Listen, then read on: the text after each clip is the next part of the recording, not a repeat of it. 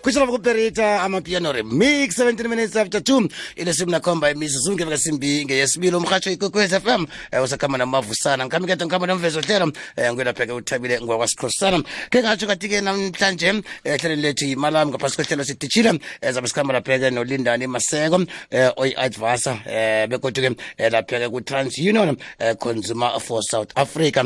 Nekithi ngicela ukhisi ngicela ukuphuza angisho kuwe lindani sakwamukela kwande Hayi bumbum kunjani? ngikhona unjani wena Hayi ngikhona. Ye, ngiya- Ngiyafuna ukukhuluma nawe.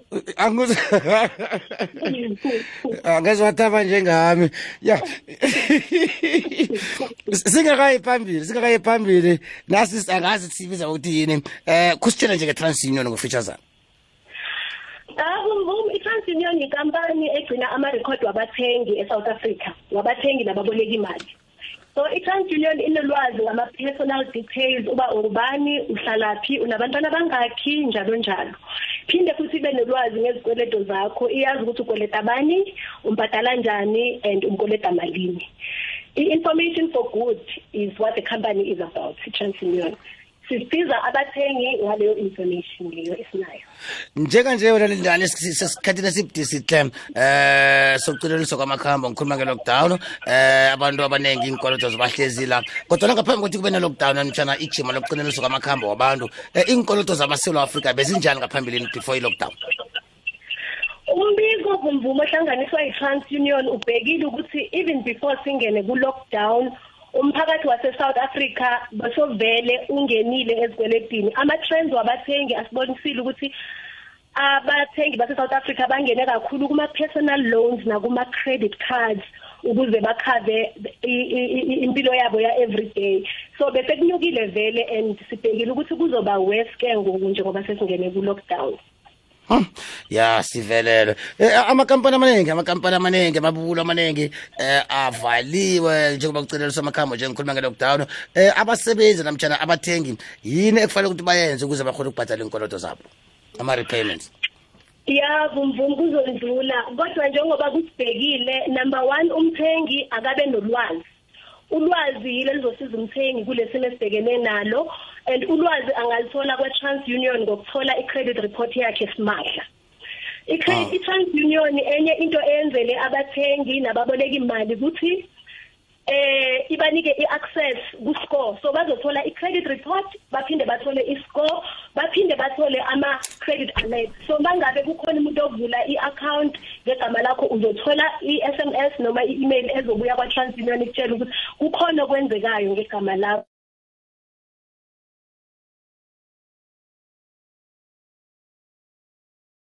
ZA noma afonele uTransUnion ku0861482482 number 1 athole icredit report yakhe. Umlaleli mayeqeda ukuthola icredit report yakhe azi ukuthi ukweleta bani ukweleta njani. Akathinteke ababolekisi avumelane ukuthi uzobhadala njani ngoba manje kunzima and wonke umuntu aware ukuthi kunzima. Indlela zahlukahlukeneke according to umboleki lo umlaleli aboleke kuye. Eh bangavumelana ukuthi ngizobhadala kancane namkha ngizomisa ukubhadala ngizobhadala after isikhathi esithile aba ababolekisi basinike le payment holiday ningadiscussa lokho. Namkha kune insurance engamkhokhela umlaleli but umlaleli aka active fast angalindi kuze i-credit score sakhe si-affecteke. Aka-acte manje nje from today abalaleli aba-acte ukuze bangabi ama-victim at the end of the day. Ngiyakuzwa usakhuluma ngama-report njalo. Eh kuna kuna kuna nasa into abayibiza ngokuthi-ke i-IIR eh ngaphambi kokuthi mhlambe usiphendule asithengise bese nesibuya la eh uzasingibambele njalo ngisho. Okay. Nangambala mhatsho ikwekwezi fm eh, ihlelo yimalami sakhamba lapha-ke nolindani maseko eh ongiyo lapha-ke i-advisor eh, lapha-ke i-transunion consumer for south africa. Eh bengisakhuluma nganasa into i-IIR industry insight report. Eh, njengoba usakhuluma ngama-report njalo ini? Ah i-industry insight report vumvumu ngumbiko ohlanganiswe yi-TransUnion obheka ukuthi umphakathi wase-South Africa uziphethe njani ikweletu zawo. Lo mbiko siwenza four times in a year, futhi siwenza once a quarter. and uyakhombisa lo mbiko unfortunately ukuthi ama-trends abathengi nababoleki bemali aye anyuka kakhulu ku-last quarter especially kuma-personal loan nakuma-credit cards bezama ukuphila abantu so that is a concern now ngoba sesingene naku lockdown so kuzoba nzima ukuthi abantu bakhona ukukhokhela lezikweletu lezi. Ingakho ke uTransunion udecide ukwenza i-report ibe free ize nama alert ize nescore ukuze umlaleli azosazi isimo sakhe sakadesi azi ukuthi ukweleta kanjani akhone ukulungisa kusesenesikhathi engaka affecteki i-credit score yakhe. Njengoba eh, eh, inkampani eziningi inkampani eziningi zivaliwe njengesikhathi sokutoneliswa kwamakhamba ukukhuluma ngalokudano um kunabantu-ke abangasebenziko abantu abalahlekele imisebenzi namjana abajamileko um ngabanga lokucineliswa kwamakhamba um ngibala abantu mhlambe abama-taxi driver abantu abahlungisako abantu abapheka ukudla. Um babaningi nje abantu abathengisa amagwiya njalo njalo. Um benze njani mhlambe ukumaneja um iy'nkoloto zabo ngalesi sikhathi esibudisi kangaka yabo mvumi njengoba bese ngishilo ulwazi libaluleke kakhulu kumlaleli lesikhathi samanje. Umlaleli akatholi credit report azi ukuthi izikweletu zakhe zimi kanjani number one. Number two umlaleli akaxhumane nababolekisi. Abafonele noma aye kuma-website enze ama-agreement nabo. Ziningi indlela indlela ezahlukahlukene umlaleli azosizakala ngazo. Sizile ama-banks amaningi akhulumile nge-payment holiday. Ezinye ikweletu abanye abalaleli baye bathatha ama-insurance. Lawo ma-insurance angeke akhikhe automatically. Umlaleli kumele aye kumthengisi noma kumbolekisa imali a- athi uba a- angina income for now njenge njengoba kune lockdown eh ngiyi-taxi driver noma ngisebenza ekitchen noma ngiyazithengisela. eh ngicela ningiphumuze bangakwazi ukumphumuza noma ikhiphe in le insurance. Okubalekile ukuthi umlaleli akwazi khona manje ukuthi angeke lokho kwenzeke automatically. Kumele umlaleli athathe isinyathelo sokuthi yena akhulumise akhulumisane nombolekisi wakhe ukuze kulunge konke. Namtshana angakatloliswa mtshana ukurejista angakwenza lokho? Atlolise kuphi vumvum asithi mhlambe m- asithi njeng- njengalo mhlambe umuntu otshayela iteksi namtshana mhlambe umuntu osebenza etonini. Aba- abakatloliswa ngitsho bese-ke u- u- uyokwenza njani? But uh bakwazile ukuvula isikweletu bangatloliswanga. Kusho ukuthi bakwazile ukuprovide enough information kum- kumthengisi noma kumbolekisi ukuthi bazokhona ukubhadala. So already there is i-agreement in place.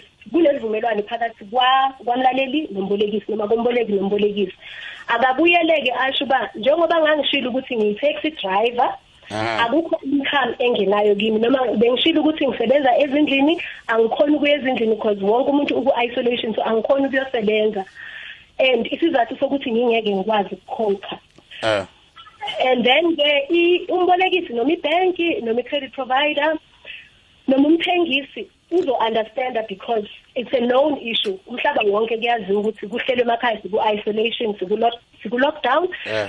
okubaluleke kakhulu ukuthi ungalindi ize i- i- i-credit yakho ibe bad.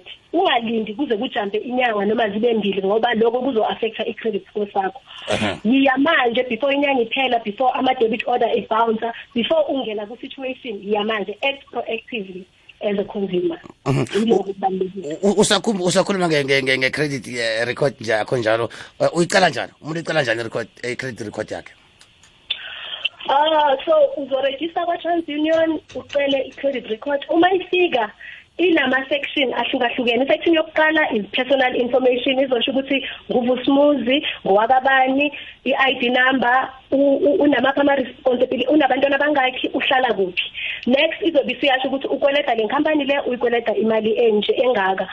Ah ngiyathandaza ukuthi umlaleli akanayo negative information but uma ngabe umlaleli ene-negative information izoba khona nayo lapho ukuthi umlaleli une-judgment noma une-default. I-judgment-ke yiloko esizama ukuthi kungenzeki kumlaleli ingakho sim-advise umlaleli ukuthi aphuthume ayokhuluma nombolekisi wakhe kungaze kube kubi ku-credit report.